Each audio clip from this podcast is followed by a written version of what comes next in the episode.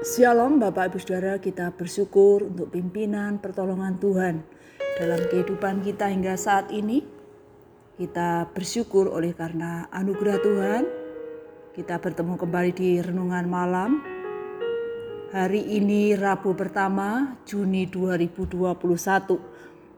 Mari sebelum kita beristirahat meluangkan waktu untuk kembali merenungkan kebenaran firman-Nya agar kita makin mengerti kehendak Tuhan, juga menjalani hidup seperti yang dikehendakinya.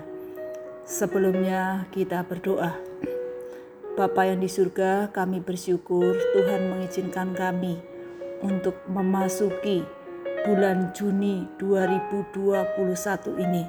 Tentu di dalamnya ada maksud dan rencana Tuhan yang Tuhan akan nyatakan dalam kehidupan kami Malam ini Tuhan sebelum kami beristirahat, kembali kami mau merenungkan kebenaran firman-Mu. Mari Tuhan memberikan kami hikmat, kerendahan hati untuk mengerti kebenaran firman-Mu dan dimampukan untuk melakukan firman-Mu itu dalam keseharian kami. Dalam nama Tuhan Yesus kami berdoa. Amin. Tema renungan malam ini adalah aku miliknya kita memperhatikan dari 2 Timotius 2 ayat 19. Tetapi dasar yang diletakkan Allah itu teguh dan meterainya ialah Tuhan mengenal siapa kepunyaannya dan setiap orang yang menyebut nama Tuhan hendaklah meninggalkan kejahatan.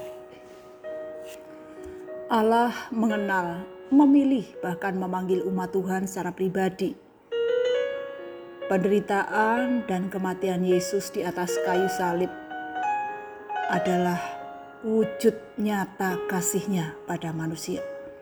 Namun sering kali umat Tuhan menjadikan materi sebagai tolak ukur bahwa Tuhan mengasihi dirinya.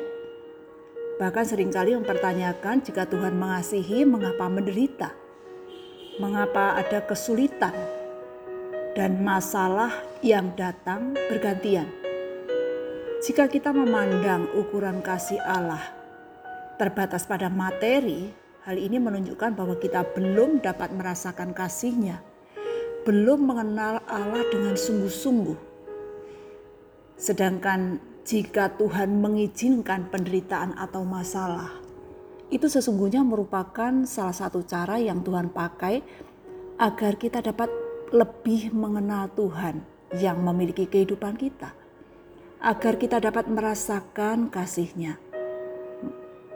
Melalui hal itu pula, Tuhan mau mendewasakan iman kita dan menyadarkan bahwa kita membutuhkan pertolongannya. Sesuai dengan firman Tuhan, Paulus memberitahukan kepada Timotius. Dia mengatakan, "Tetapi dasar yang diletakkan Allah itu teguh, dan meterainya ialah Tuhan mengenal siapa kepunyaannya. Sangat jelas bahwa Tuhan itu mengenal Timotius yang adalah miliknya. Allah sendiri yang telah meletakkan dasar atau fondasi yang kokoh bahkan dibangun di atas dasar para rasul dan nabi dan Yesus Kristus sendiri sebagai batu penjuru. Demikian juga dengan kita yang adalah umat Tuhan saat ini adalah miliknya. Dia mengenal dengan benar, dengan sangat jelas, mengenal dengan apa adanya siapa kita yang adalah kepunyaan Allah. Dia tidak akan pernah memperlakukan miliknya semaunya sendiri tanpa tujuan atau tanpa maksud yang jelas. Allah mengenal, melindungi miliknya dari bahaya yang mengancam nyawanya. Hal ini berbeda dengan kita mengenal sesama yang mungkin kita pernah mengalami merasa ternyata kita salah mengenal sesama. Selanjutnya Paulus juga mengatakan bahwa setiap orang yang menyebut nama Tuhan adalah meninggalkan kejahatan. Hal ini mengingatkan bahwa orang yang menyebut nama Tuhan. Orang yang mengenal Tuhan, yang adalah umat pilihan Tuhan. Ia tahu apa yang harus dia tinggalkan. Ia tidak terpengaruh dengan lingkungan, keadaan, dan sebagainya. Karena ia telah memiliki fondasi yang kokoh, yang kuat, tidak tergoyahkan. Seperti seseorang yang membangun rumah, ia akan mengusahakan supaya fondasinya kuat. Terlebih lagi dengan Tuhan, Ia memberikan firman sebagai fondasi satu-satunya supaya kita tidak tergoyahkan oleh apa pun yang ada dalam dunia ini. Jika kita sungguh-sungguh menerima, mentaati, maka firman Tuhan itulah yang akan membentuk kita, menjadikan pribadi yang berkenan di hadapannya, sehingga kita saling mengerti, saling menerima, saling mendukung, saling menghormati. Mengatakan kebenaran sesuai dengan firman Tuhan, melakukan yang benar berdasarkan firman Tuhan. Oleh karena itu, marilah kita renungkan, apakah kita telah sungguh-sungguh memiliki fondasi yang kuat, menjadikan firman Tuhan yang adalah kebenaran yang sempurna sebagai bekal yang terutama dan utama dalam bekerja, membina keluarga, berrelasi dengan sesama, atau kita menjadikan pengalaman, keinginan, atau materi, atau yang lain sebagai pedoman dalam hidup kita.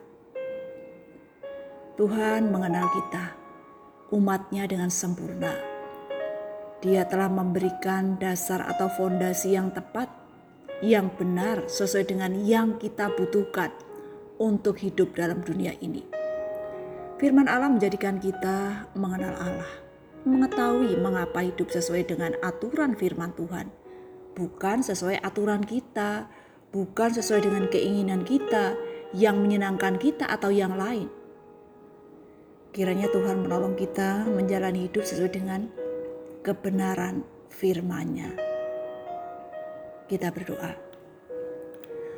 Bapa yang di surga kami bersyukur kami menjadi milik-Mu Engkau mengenal, menerima kami apa adanya, bahkan memperlengkapi dengan firman Tuhan sebagai fondasi pedoman yang tepat, yang benar untuk menjalani hidup ini dengan berbagai macam realita yang ada.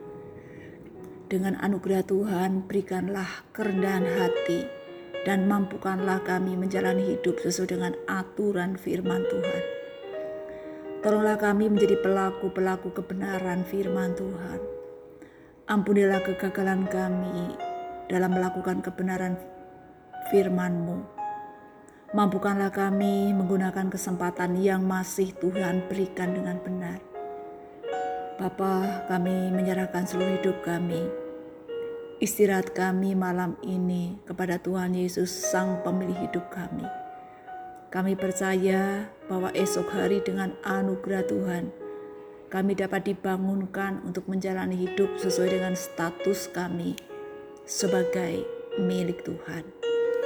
Dalam nama Tuhan Yesus, kami berdoa. Amin. Bapak Ibu sekalian, selamat malam, selamat beristirahat. Tuhan Yesus memberkati. Amin.